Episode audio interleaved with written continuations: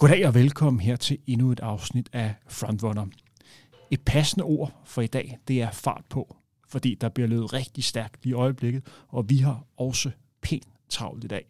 For på under 50 minutter skal vi snakke om, hvad der er sket i løbeverdenen de sidste tre uger, og tro mig venner, der er virkelig sket meget. Så skal vi også have et fokus, ligesom som i vores sidste udsendelse, skal vi kigge på de her verdensrekorder. I sidste gang, der var det så danske rekorder, men nu skal vi kigge på mændenes verdensrekord for 800 meter op til maraton. Hvordan tror vi, det kommer til at se ud i 2032?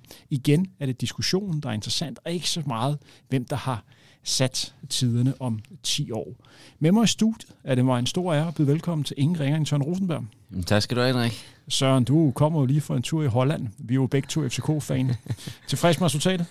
Ja, jeg havde gerne solgt den for en uge på forhånd. Det vil jeg gerne indrømme. Men altså, øh, det, altså jeg, jeg har set over 400 FCK-kampe på stadion, og øh, jeg tror ikke, jeg kan sige, at det der, det var nok den sådan vildeste øh, emotionelle øh, rutsjebanetur.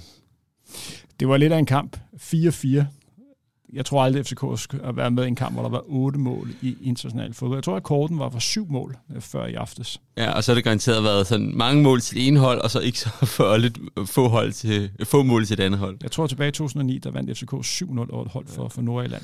Men Søren, lad os gå i gang med, med dagens udsendelse. Som sagt, så skal vi have fokus på de her øh, verdenskorter på mændenes 800 meter op til maraton. Og så skal vi kort øh, snakke om, hvad der er sket i løbeverdenen de sidste tre uger. Og som sagt, der er sket rigtig, rigtig meget. Så skal vi have en snak om verdens måske øh, bedste løber gennem tiderne, nemlig Kipchoge, som netop har vundet endnu et maratonløb. Det gjorde han, øh, gjorde han søndag nat, hvor han vandt Tokyo Marathon. Men allerførst, Søren, så vil jeg lige lave en gennemgang af de vigtigste resultater, der er sket de sidste tre uger. Kipchoge vandt altså som sagt Tokyo Marathon i ny løbsrekord. 2 timer, 2 minutter og 40 sekunder. Verdens fjerde hurtigste tid nogensinde. Tiden er som kendt løbsrekord i Tokyo Marathon. I samme løb løb hele 20 japanere under 2.10. Kvindernes løb blev vundet af verdenskortindhaveren Koskar i den tredje hurtigste tid nogensinde, 2.16.02. Verdensrekordindhaveren på 5.000 meter og 10.000 meter øh, Joshua Cheptegei debuterede, eller sæsondebuterede på 10 km landevejsløb i Cannes, og der vandt han i 26.49, og det er faktisk ny personlig rekord for ham på landevejen. Så kan vi nævne, at det blev rigtig stærkt. Det amerikanske Grand Fisher løb ny amerikansk rekord på 10.000 meter i tiden 26 minutter og 33 sekunder. I samme løb blev der også sat ny kanadisk rekord, hvor Mo Ahmed øh, løb 26 34, og der blandt også sat en ny nationsrekord for Australien. Og Skotland. Ja. Og Skotland. Et vildt løb, som bare blev kaldt The Ten. Italienske Kriba løb den tredje hurtigste tid nogensinde øh, i Europa på, på halvmarathon. Han vandt et halvmarathonløb i Napoli, hvor han løb tid 59 minutter og 26 sekunder. Løberen, der blev nummer to, var af løberen, der har Europarekord, nemlig Julie Vanders, der løb øh, et minut langsommere. Manden med verdensrekord på halvmarathon, Jakob Kiplemo, vandt et halvmarathonløb i Saudi-Arabien, det man kalder RAK løbet. Han vandt i tiden 57 minutter og 56 sekunder. Det, der er interessant at sige ved det løb, det var, at han lagde rimelig voldsomt ud. De første 5 km gik på 13 minutter og 8, eller 13 minutter og 24 sekunder. Han løb under 27 på de første 10 km, og det svarer altså til en sluttid på under 57 minutter. Han har en ny officiel bedste notering i verden på 15 km, for han rundet i 40 minutter og 43 sekunder. Det er altså 2,43 per kilometer. Han gik lidt ned til sidst, men man må tage hatten af for den måde, han valgte at løbe, øh, at løbe løbet på britiske Mark, uh, Mark Kier uh, løb 3.8, eller Mark Kerr, må vi hellere kalde ham. Han løb 3.48 på indendørs mile, og løb den tredje hurtigste tid igennem tiderne. Øh, undskyld, er vi ikke sådan, at hedder han Josh Kerr? Og Josh Kerr, ja. ja. Mark Kerr. Det er jo, jeg spillede for meget Championship Man, der er en af legenderne der. Han hedder Josh Kerr, det er jo rigtigt. Det er jo rigtigt. Og så har vi også haft flotte danske resultater. Ida Karlsholt bliver ved med at sætte øh, nye danske rekorder. Nu hedder dansk rekord på 200 meter 23, 22, og så har hun sat dansk rekord på 60 meter med 7, 24. Vi har også fået en ny dansk rekord på mændenes 400 meter. Benjamin Lobovel har løbet 45, 94. Og man må sige, at begge to er klar til verdensmesterskab i Beograd, som bliver afviklet i næste weekend. Begge to er i virkelig i topform. Så er der blevet sat ny øh, verdensrekord på, øh, øh, på, på mændenes 50 km landevej. Øh, en sydafrikansk løber øh, har løbet tiden 2 timer, 40 minutter og 13 sekunder. Det er 3.12 per kilometer. Der runder man altså et, et maraton på 2.15.20. Og det er altså nogle af de vigtige resultater, som er blevet præsteret igennem de sidste øh, tre ugers tid. Der er også nogle resultater, vi lige skal ekstra øh, fokus på, og det er jo sådan primært, hvad der er sket i Danmark. Der har været afviklet dansk mesterskab på, på 3.000 meter, hvor at Mikkel Dahl blev, blev dansk øh, mester i ny mesterskabsrekord 8 minutter og 2 sekunder. Søren, jeg ved, du var derovre. Hvad kan man konkludere for det løb? ja, øhm, uha, at, øh, at, øh, det, øh, at, øh, at Melik er i god form, så synes jeg, det ligner til, øh, og det, det glæder mig da. Øh, så øh, han er ikke, jeg synes ikke rigtigt, at han har, jo, han løb øh, en 10 km nede i Portugal, men der synes jeg ikke, man har set så meget til ham den her indendørssæson. Så, men øh, han så skarp ud. Hvad var det for et løb, du så? Jamen altså, øh, øh, meget specielt løb, fordi at øh, efter 600 meter, så, øh, altså, Jol, han, han tager fronten fra start af, øh, Jol Lillesø, og så, øh, og så runder han 600 meter i 1 minut og 30 sekunder. Altså 30 sekunder rent på de første tre omgange. Det er altså et rimelig, rimelig hissigt tempo til, jeg tror det er sådan noget 7.30 tempo, altså sluttid 7.30. Og det er altså, øh, det er næsten 20 sekunder bedre end hans PR. Og så øh, derefter, så, øh, så tager Jakob Simonsen over, tempoet går noget ned, og så er han i front indtil, at øh, der er 900 meter igen, hvor Joel han så tager fronten igen, og sætter tempo på, og så øh, Øh, er, det, er det kun øh, Mikkel Dahl, der kan følge med. Og det bliver så et endnu et dansk mesterskab til Mikkel Dahl. Mikkel Dahl har efterhånden vundet flere danske mesterskaber, både indendørs og på, på banen, og så også i cross. Sidste år løb han jo 13.40 på 5.000 meter, det samme løb, hvor Jol også løb 13.40. Der var ikke så langt øh, mellem de to øh, løber. Som du nævnte, så har han løbet i 10 km øh, løb, det var et crossløb, et Europacup øh, nede i Portugal, hvor han blev nummer 13. Han, var, han slog blandt andet Landon Sen, der et par uger senere løb 206 på, på maraton. Det er altså en flot placering, han fik ved den lejlighed. Der er ikke mange danskere, der sluttede så højt op i Europacup øh, cross. Er Mikkel Dahl en løber, som man måske kommer til at undervurdere lidt, fordi det er jo en klasseløber, vi har her? Mm, jamen, det kan godt være, du har ret i det. Ja, det kan godt være, du har ret i det. Øh, fordi når Mikkel Dahl er på, på toppen, så er det jo en, en løber, der lige så godt kan blive dansk mester som, som Joler og de andre drenge. Absolut. Hvad tror du fremtidsperspektiven er på, på Mikkel Dahl? Vi har jo snakket tidligere om, at den her 5.000 dansk rekord i spil, den er vel heller ikke, heller ikke helt udelukket for, for Mikkel Dahl, hvis Nej, han har det, en god sæson. Det tror jeg da absolut ikke. Som jeg husker det, så øh, da Dennis Jensen han slog den danske rekord i sin tid, der, øh, der var hans PR der dårligere end Mikkels mener faktisk. Han havde omkring 13.50. Ja, lige præcis. Øhm, så at øh, gå fra 13.40 til til i, nede i 13-20'erne, det er overhovedet ikke en urealistisk. Ja, hvis han rammer den rigtige dag til sommer, så, så tror jeg godt, det kan være ham, der slår den. Og hvis vi er rigtig heldige, så er det måske et, et heat, hvor der også er andre danskere med, som, øh, så de kan presse hinanden mod den her danske rekord. Vi har jo flere løbere, som heldigvis ligger løber stærkt i øjeblikket, så det bliver spændende at følge. En anden løber, som ligger løber stærkt, er vores maratonløber Abdi Ulat, som for lidt en overraskelse for, for mange af os. Vi var i hvert fald ikke øh, klar over det, stille op ved Sevilla Marathon, hvor han med tiden 2 timer, øh, 13 minutter, kvalificerer sig til Europamesterskabet, som senere i år vil blive afviklet i München. Men han klarede ikke det direkte kvalifikationskrav til verdensmesterskabet, som bliver afholdet i Eugene i, øh, i juli måned for at komme med der, så skal han altså løbe under 2 timer, 11 minutter og 30 øh, sekunder.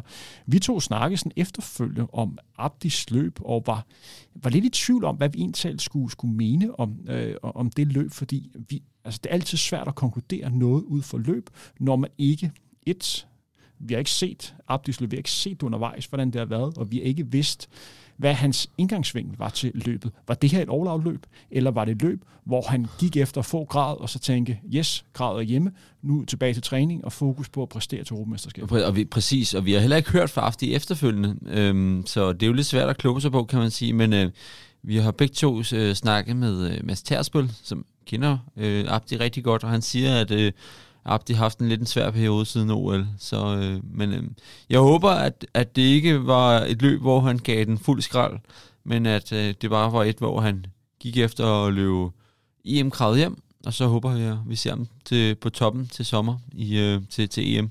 Og vi skal lige nævne, at planen var rent faktisk, at vi skulle have Mads med i denne udsendelse her. Men Mads blev øh, desværre øh, forsinket af til nogle, øh, nogle undersøgelser hos en læge, der, der trækker lidt ud. Så I kære lytter må nøjes med undertegnet Henrik Thiem og dig, Søren Rosenberg. Men vi skal gøre vores bedste for at fylde Masses plads ud. Men Abdi er også en løber, der traditionsvis altid performer godt til mesterskaberne, fordi hvis du går et år tilbage, øh, på nogenlunde det, det samme tidspunkt her. Der var jo dansk mesterskab på 10 km landevej, hvor meget uvandt for, øh, for Abdi var han jo ikke engang i top 3. Jeg tror, han blev nummer 6 eller 7 ved, ved den lejlighed. Og der kan jeg også huske, at vi snakkede, vi var lidt usikre på, hvor, hvor vi stod, og jeg snakkede også selv med Abdi, øh, som nævnte han, han at det er jo selvfølgelig ikke godt nok for, for en løber øh, med hans standarder, men man må sige, han var der jo til, mm. til OL og præsterede på absolut øh, topplan, så man skal bestemt ikke afskrive ham. Hvis det var et løb, hvor han løb, øh, hvad han kunne, det ved vi jo ikke. Nej, præcis ikke. Altså, og man må bare sige til Abdi, at øh, han er der, når det gælder. Og det, bliver, øh, og det bliver spændende at se. Men som sagt, lige nu er han kvalificeret sig til EM, men ikke til, til verdensmesterskab i lige nu. Den eneste dansker, som er klar til VM lige i øjeblikket, det er jo, det er jo Thijs.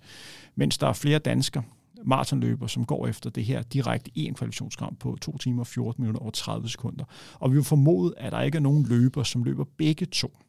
Der er den mulighed, at der sådan en løber som Tejts, øh, hvis han når at klare kravet i, i løbet af foråret, at det her EM-krav, kunne stille op til verdensmesterskabet, og hvis det ikke var et løb, som, som gik, han havde håbet på, at han måske måtte udgå undervejs, så kunne han have Europamesterskab i baghånden, som mm. ligger 3-4. Men det scenarie, man løber stærkt på begge løb, det kan ikke lade sig gøre. Nej, ikke på det, det niveau. det kan det ikke. Øh, men det er også lidt usædvanligt, at, øh, at der er to maratonløb i, fordi at de år, hvor at EM har ligget samme år med et andet mesterskab, altså OL, øh, der har øh, der har der kun været halvmarathon til EM. Men på grund af corona, så er det jo hele blevet skubbet og sådan noget. Så VM, der skulle have været sidste år, det er jo så lagt i år.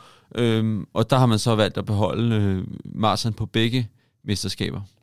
Og det er jo noget, som vi har snakket om i, i tidligere udsendelser, hvor vi også snakkede om, hvad for nogle løber vi, vi tror, der kan prioritere det ene øh, frem for det andet. Det vi kan konstatere i hvert fald, det er, at der bliver stadigvæk løbet stærkt i Europa på, på maratondistancen. Der er så mange, som, som løber stærkt. Hvilke man også øh, så ved, ved Sevilla Marathon.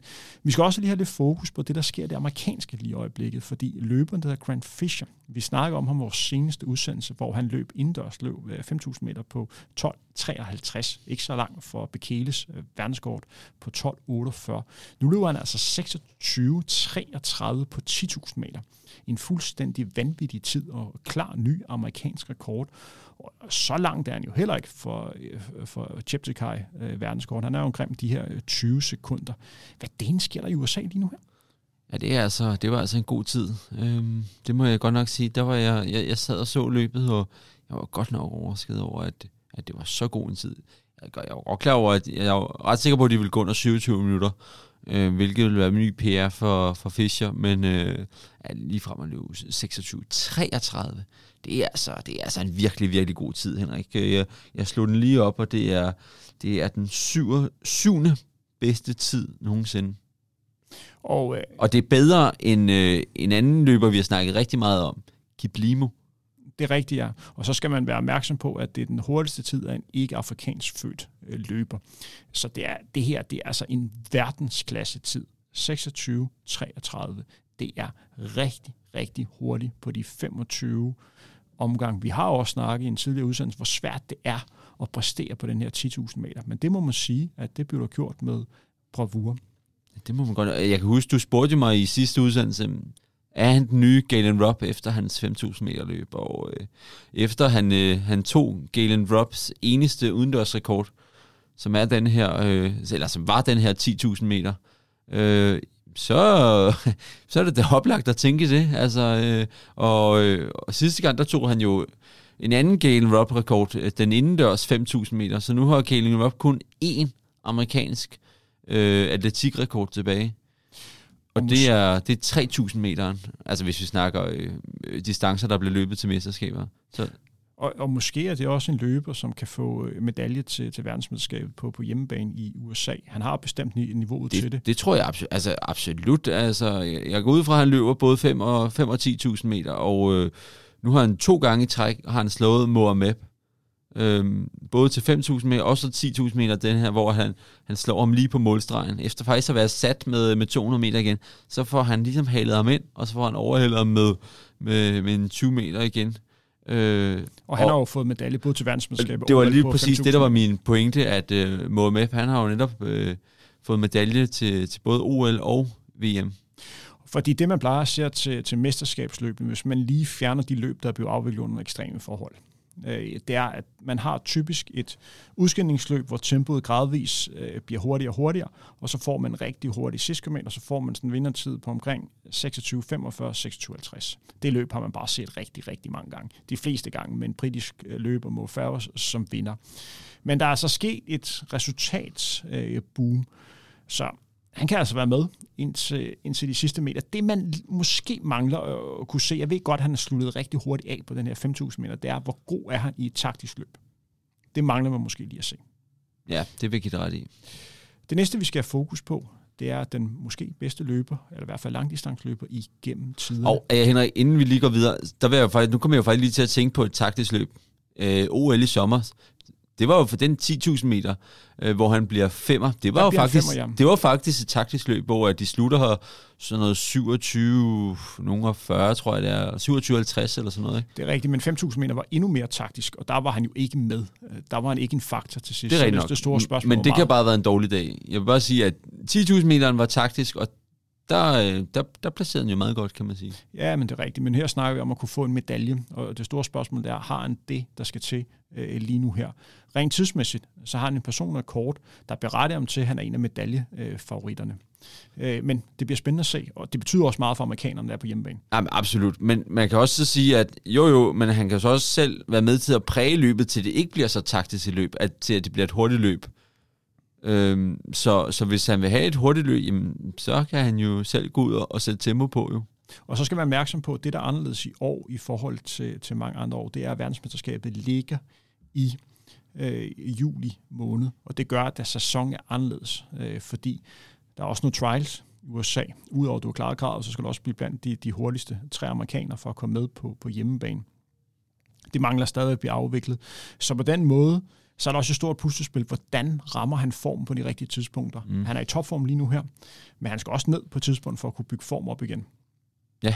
Jeg er usikker på, om han stiller op til, til verdensmesterskab indendørs. Jeg har ikke set den endelige amerikanske start. Nej, det gør han ikke, øh, fordi at øh, deres mesterskaber var jo faktisk samme weekend som det her, øh, jeg tror faktisk nærmest, det var samme dag eller sådan noget, som, øh, som, som den her... Øh, 10.000 meter. 10.000 meter.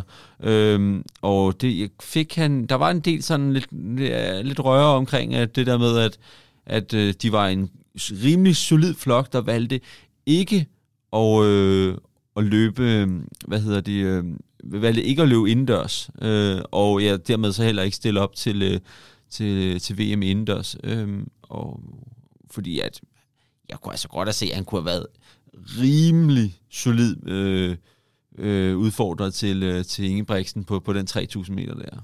Jeg skal også lige nævne, at vi i næste uge kommer til at lave en optag til selv samme øh, verdensmesterskab, som bliver afviklet i øh, Beograd.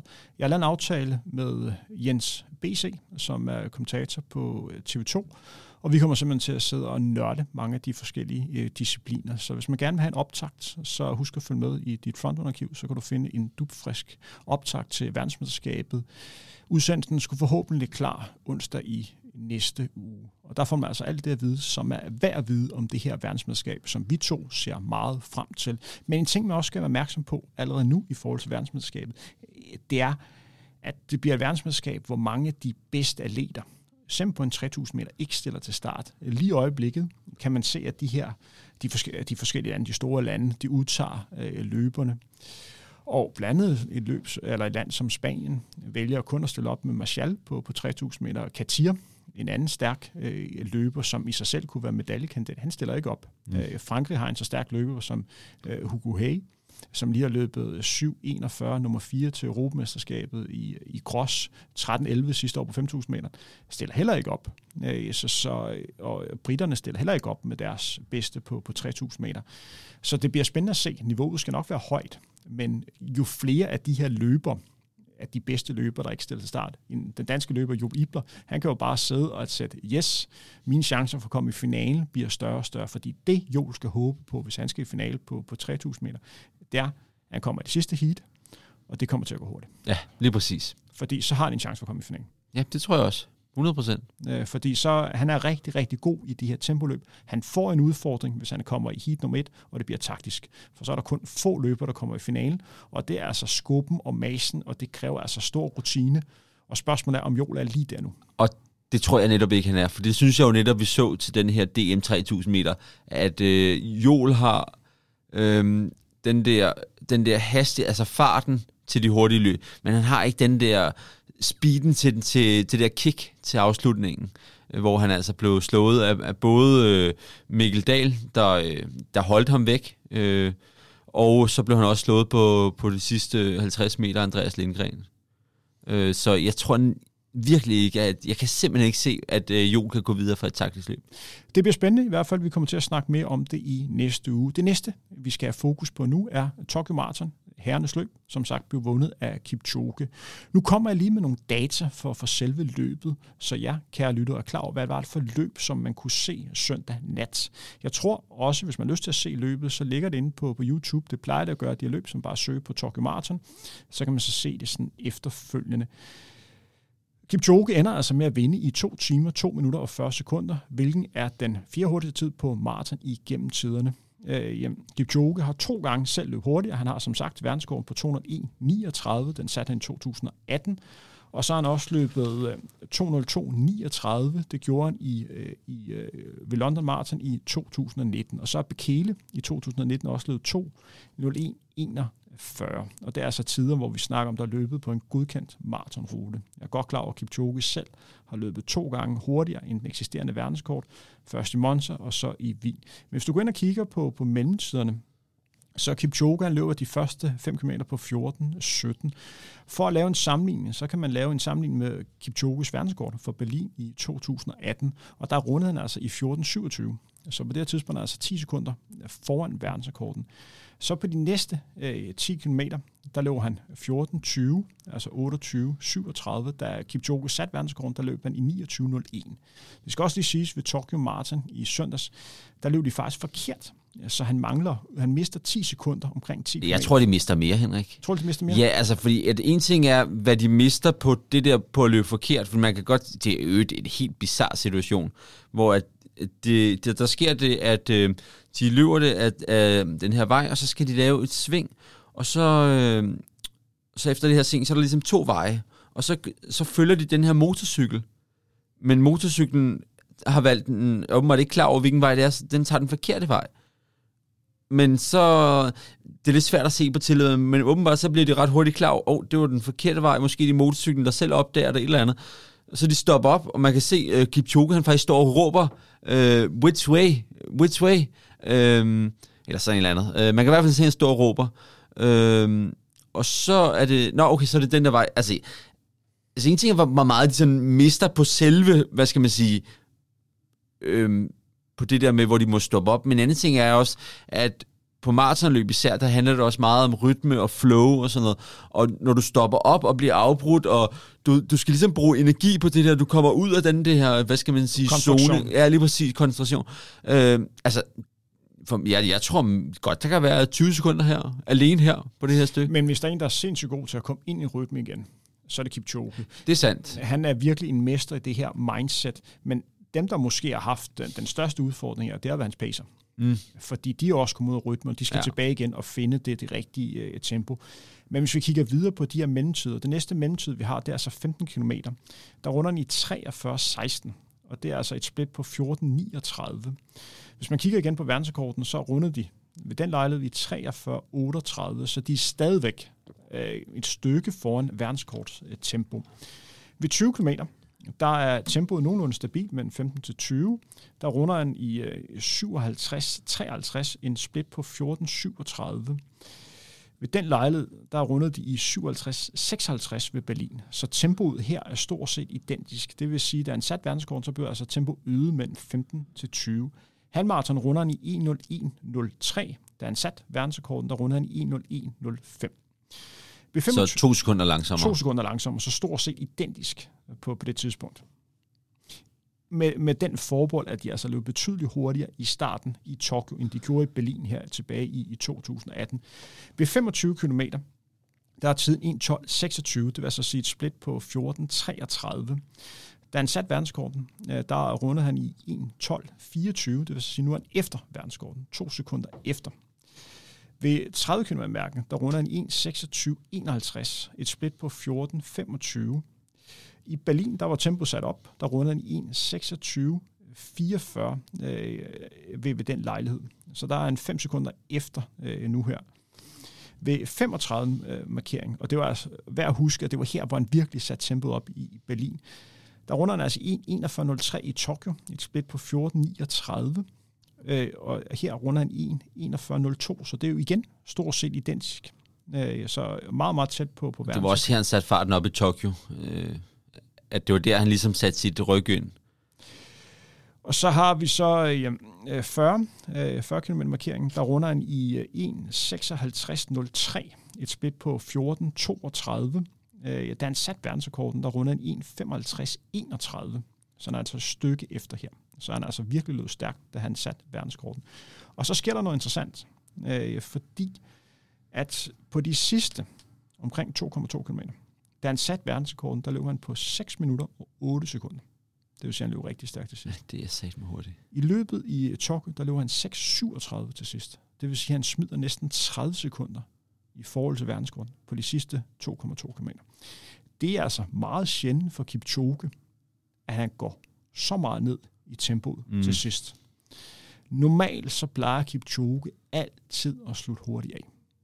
Ja, det er, ja, det har du ret ja. Så på den måde er det faktisk et atypisk løb for, for Kipchoge, for han mister altså relativt meget til sidst. Så det store spørgsmål er, hvad den skete der her? Er det bevidst valg? Er han ved at være træt? Eller tænker han, jeg skal bare nyde det her og give mig hen i forhold til publikum? Eller er ruten ekstra udfordret her i, i forhold til vind? Man kan i hvert fald bare se, at det her det er meget langsom for Kipchoge imod afslutningen.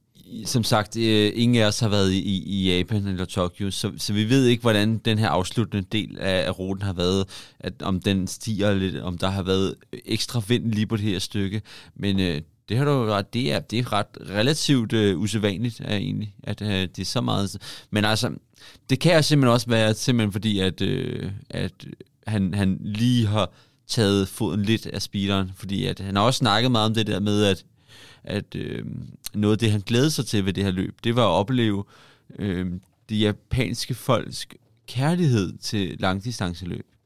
Og det kan godt være, at, det, at han vil lige nyde opløbsstrækning lige det mere, øh, ved at lige at, at tage foden lidt af gassen. Jeg ved det ikke, men jeg tænker, det er, det er en mulighed. Hvis man kigger på de kolde faktorer, så er altså Kipchoge nu vundet 14 ud af hans 16 officielle maratonløb. Derudover har han som sagt løbet 2.00.25. Det gjorde han i øh, i Monza, og så har han løbet 1.59.40 i Wien øh, i øh, 2019. Han har vundet 4 ud af 6 major, som man har meldt ud. Nu er hans målsætning at vinde alle major. Han har vundet Berlin, London, Chicago og Tokyo, og mangler dermed Boston og New York.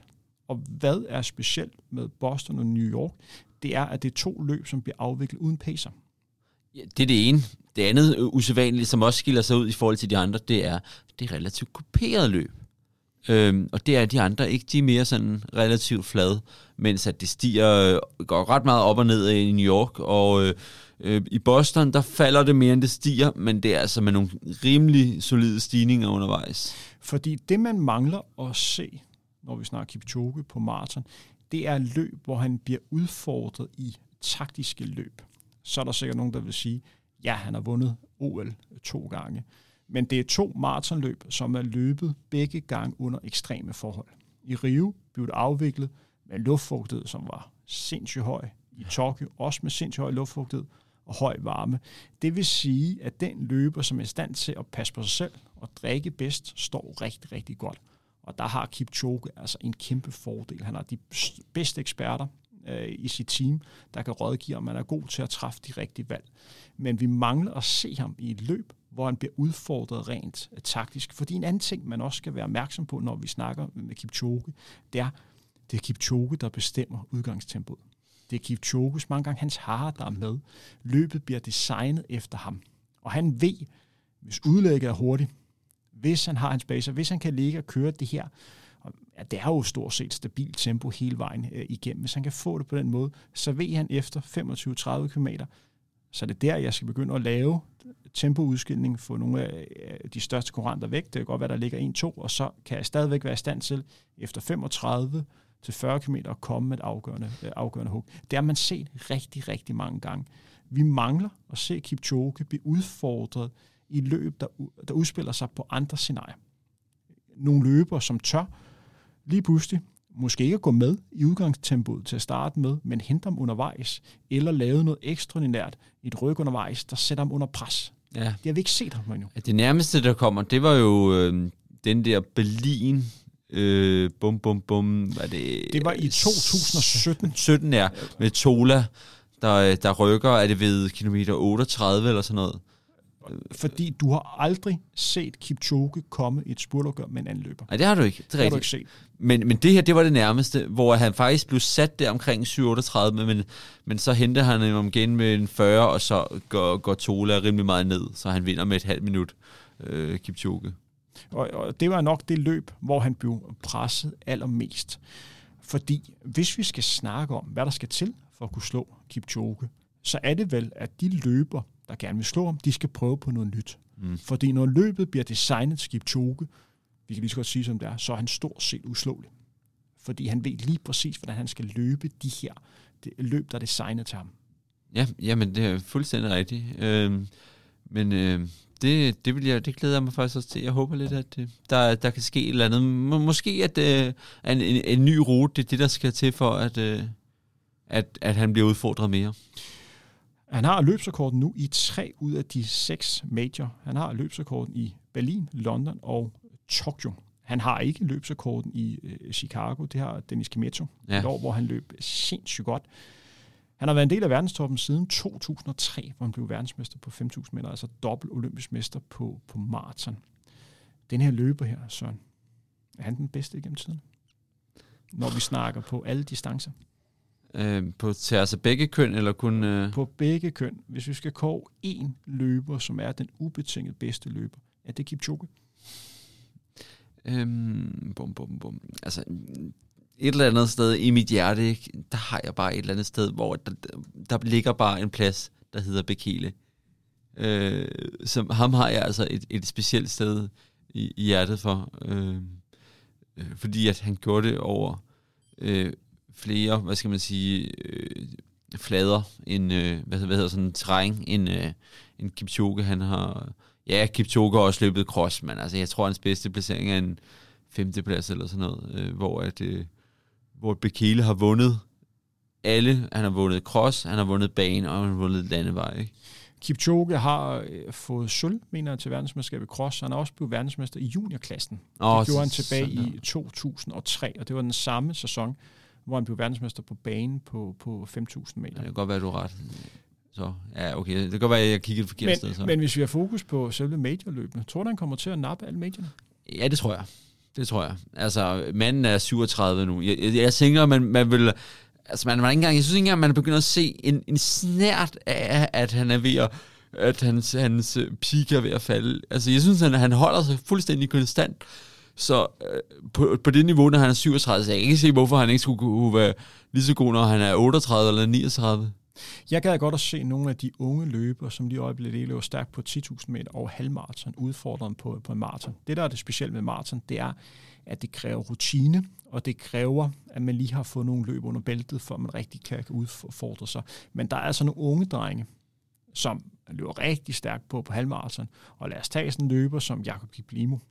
Når man tør at lægge ud på en halvmarathon på under 27 minutter, og så stadigvæk komme hjem i en 57 tid, og, og har en personrekord på 57-31, og har løbet 7-26 på en 3000 meter i sig selv, så har du altså en kapacitet, der gør, at hvis du får trænet den her endurance, der skal til, så kan du blive en monster.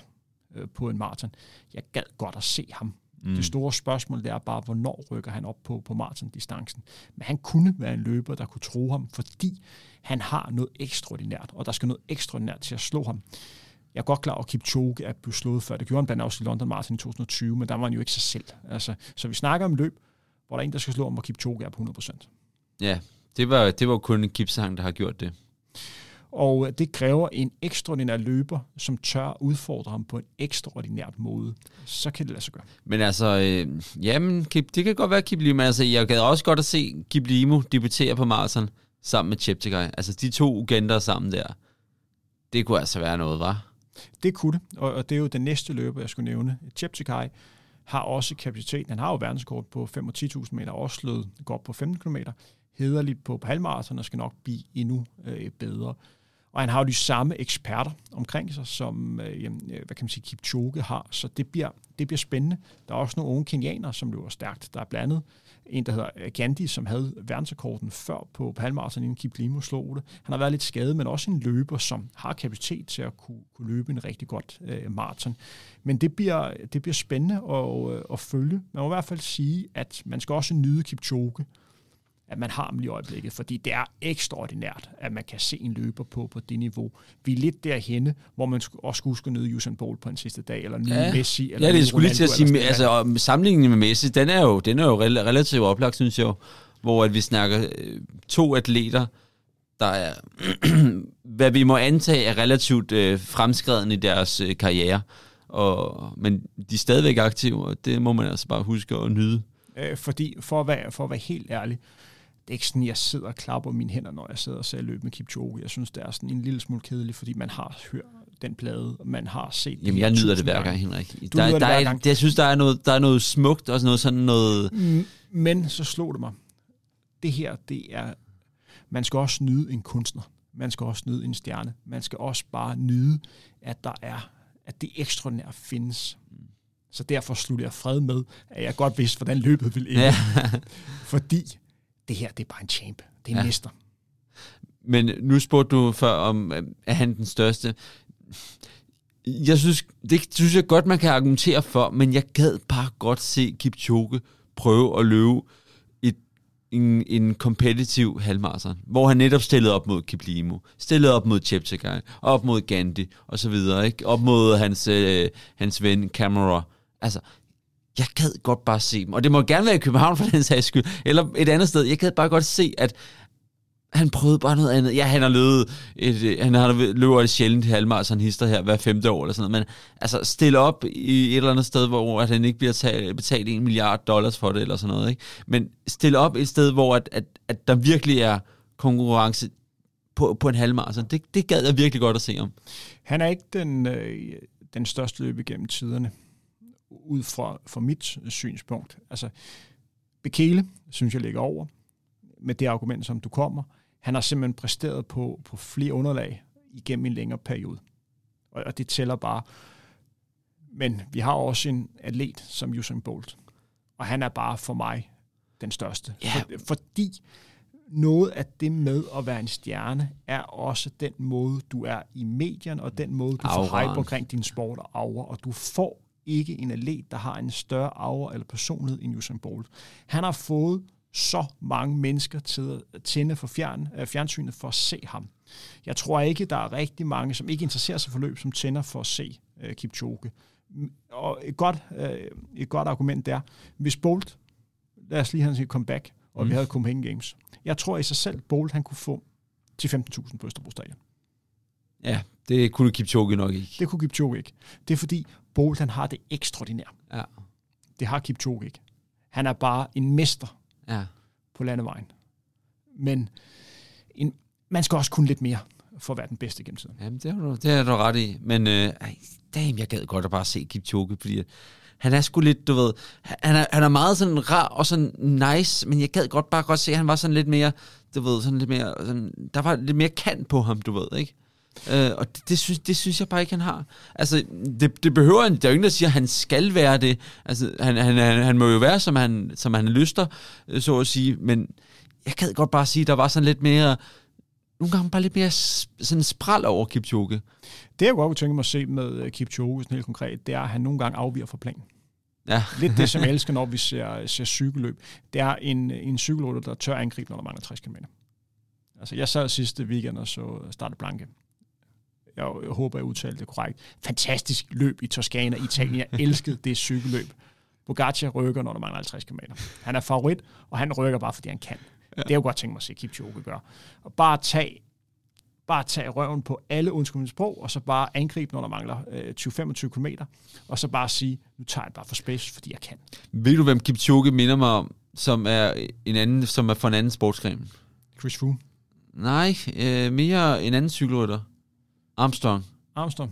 Ja, for det Det er var, en altså, sammenligning, du bruger her. altså øh, ja, ja, og her snakker vi ikke noget omkring øh, doping eller noget, men vi snakker, øh, at de øh, konkurrerede relativt få gange øh, om året begge to. Øh, det var, hvad skal man sige, nogen, der var rimelig kontrolleret i deres måde at, øh, og, øh, at løbe slash cykle på, øh, og øh, de vidste, hvornår de skulle slå til i, øh, i løbet. Kan, jeg ved ikke, kan du se sammenhængen Jeg for kan, dig? godt, jeg kan godt se. Og, og, så var det, og så var det bare, altså over lang tid var de bare fuldstændig eneherskende på, på begge deres felt, og der var ikke nogen, der kom i nærheden af dem.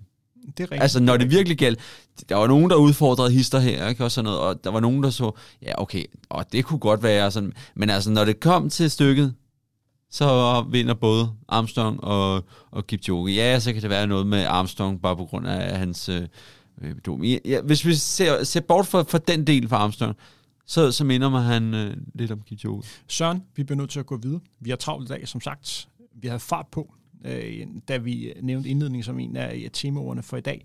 Vi skal lige bruge 10 minutter på lige at vende de forskellige verdenskort, som vi har på, på herrenes øh, mellemlangdistance i øjeblikket. Og så snakke lidt om, hvordan verdensrekorderne kommer til at se ud i 2032. Den samme øvelse, som vi lavede med de danske rekorder øh, øh, for, for nogle uger siden. Som sagt, her er det ikke så relevant, hvem der kommer til at få rekorderne. Mere en diskussion om, hvad vi kan forvente den kommende øh, periode. Og så skal vi se, om vi kan snakke os til enighed. Lige nu har vi nogle verdenskorter på, øh, hvis vi tager udgangspunkt på 800 meter, der er en verdenskort, der, der hedder 1,40 91, øh, som David Rudisha satte ved olympiske lege i 2012 i London. På 1500 meter havde han 3.26.00, som El Rutsch satte i 1998 på 5.000 meter. Der blev sat verdenskort i 2020. Cheptegei 12.35. Samme år satte Cheptegei også verdenskort på 10.000 meter, 26.11.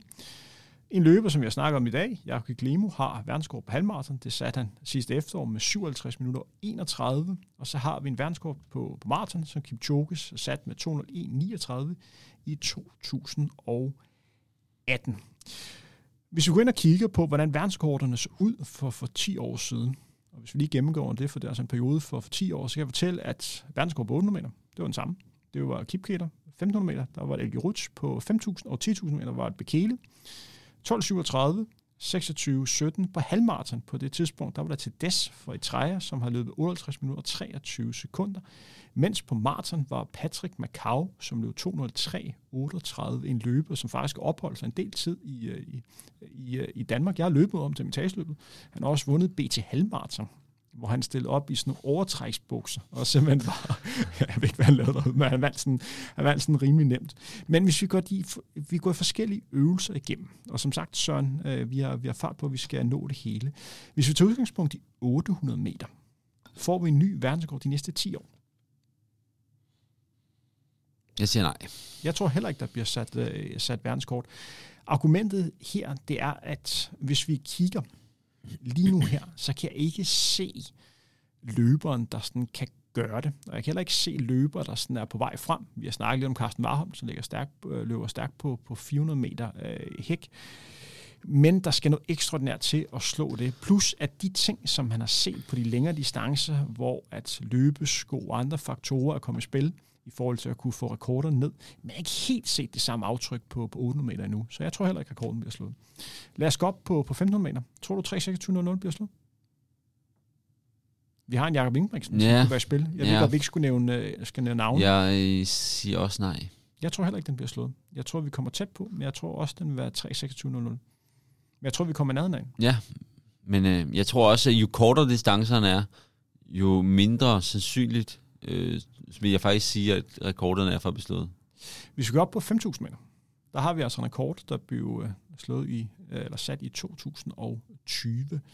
Hvad tror du, verdensrekorden kommer til at hedde i 2032? 2032, 10 år. Så siger jeg, den er 12 minutter og 22 sekunder. Jeg tror ikke, vi kommer så langt ned. Jeg tror ikke, vi kommer under den her magiske 60-grænse øh, på de her 12 eller halv omgang. Jeg tror, at vi har en verdenskort på 12.33. Ja, altså 60 sekunder per omgang. 60 sekunder per altså omgang. Altså et, et minut per omgang. Et ja. minut per omgang. Jeg tror, at vi får øh, en ny verdenskort med på et par sekunder. Men du tror alligevel, at vi kommer så langt ned? Altså 10, 10 år, Henrik, alligevel. Det er alligevel en del, synes jeg. Men hvis vi kigger på de sidste 10 år, så er det altså kun to sekunder, der blev... Jamen, det er rigtigt. Men øh, vi, er, vi er klogere om 10 år. Men øh, det, der øh, taler i, i din sag, det er jo, at blandt andet hjælp i forhold til lysregulering. Øh, og så er jeg også godt klar over, at der kommer nogle regler i forhold til, hvad for nogle sko du skal have på og andet, men udviklingen peger bare den retning, også i forhold til baner, mm. at man løber hurtigere og hurtigere. Ja. Øh, men det bliver spændende at se. Vi er ikke helt enige her, det er jo kun fint. Til gengæld på 10.000 meter. Vi har en verdensrekord, som hedder 26 minutter og 11 sekunder. Ja, der, der kommer vi under 26. Så det bliver sådan noget 25... 54. Jeg har skrevet 25-59. Jeg tror simpelthen, man, man bliver bedre til at ligge og løbe på de her 7-98 procent. Og man bliver bedre til at kunne holde den her stabile hastighed igennem længere tid. Og der, man kan sikkert også få hjælp af at få den rigtige form med forgi undervejs, som du vel at mærke kan, kan optage. Og, og som sagt her, hvis der er nogle distancer, hvor du virkelig kan få hjælp i forhold til pace, så det er de længere distancer. Fordi det har et problem været tidligere, at man kommer til at ligge alene efter 5-6 km, der Bekele sat sin verdenskort. Han gjorde det jo på egen hånd stort set hele vejen. Så vi tror begge to, der kommer en lidt vild verdenskort på, på mændenes øh, på 10.000 meter. Det vil det være, hvis man kommer under 26 minutter. På halvmarathon, der er jeg spændt på, hvad, hvad du tror. Puh, altså, det er jo, det synes jeg faktisk, den der sværeste spor, fordi at halvmaratontiderne har jo taget en, en fuldstændig eksplosiv udvikling øh, de sidste ja, fire år faktisk kun, ikke? Fordi at det er ikke mere end fire år siden, vi havde til Desses øh, verdensrekord på 58-23 så blev den så slået en gang, og så, men så blev den annulleret, fordi det var ham der, der blev taget for noget doping. Og så slog øh, Camera den i København til 58.01.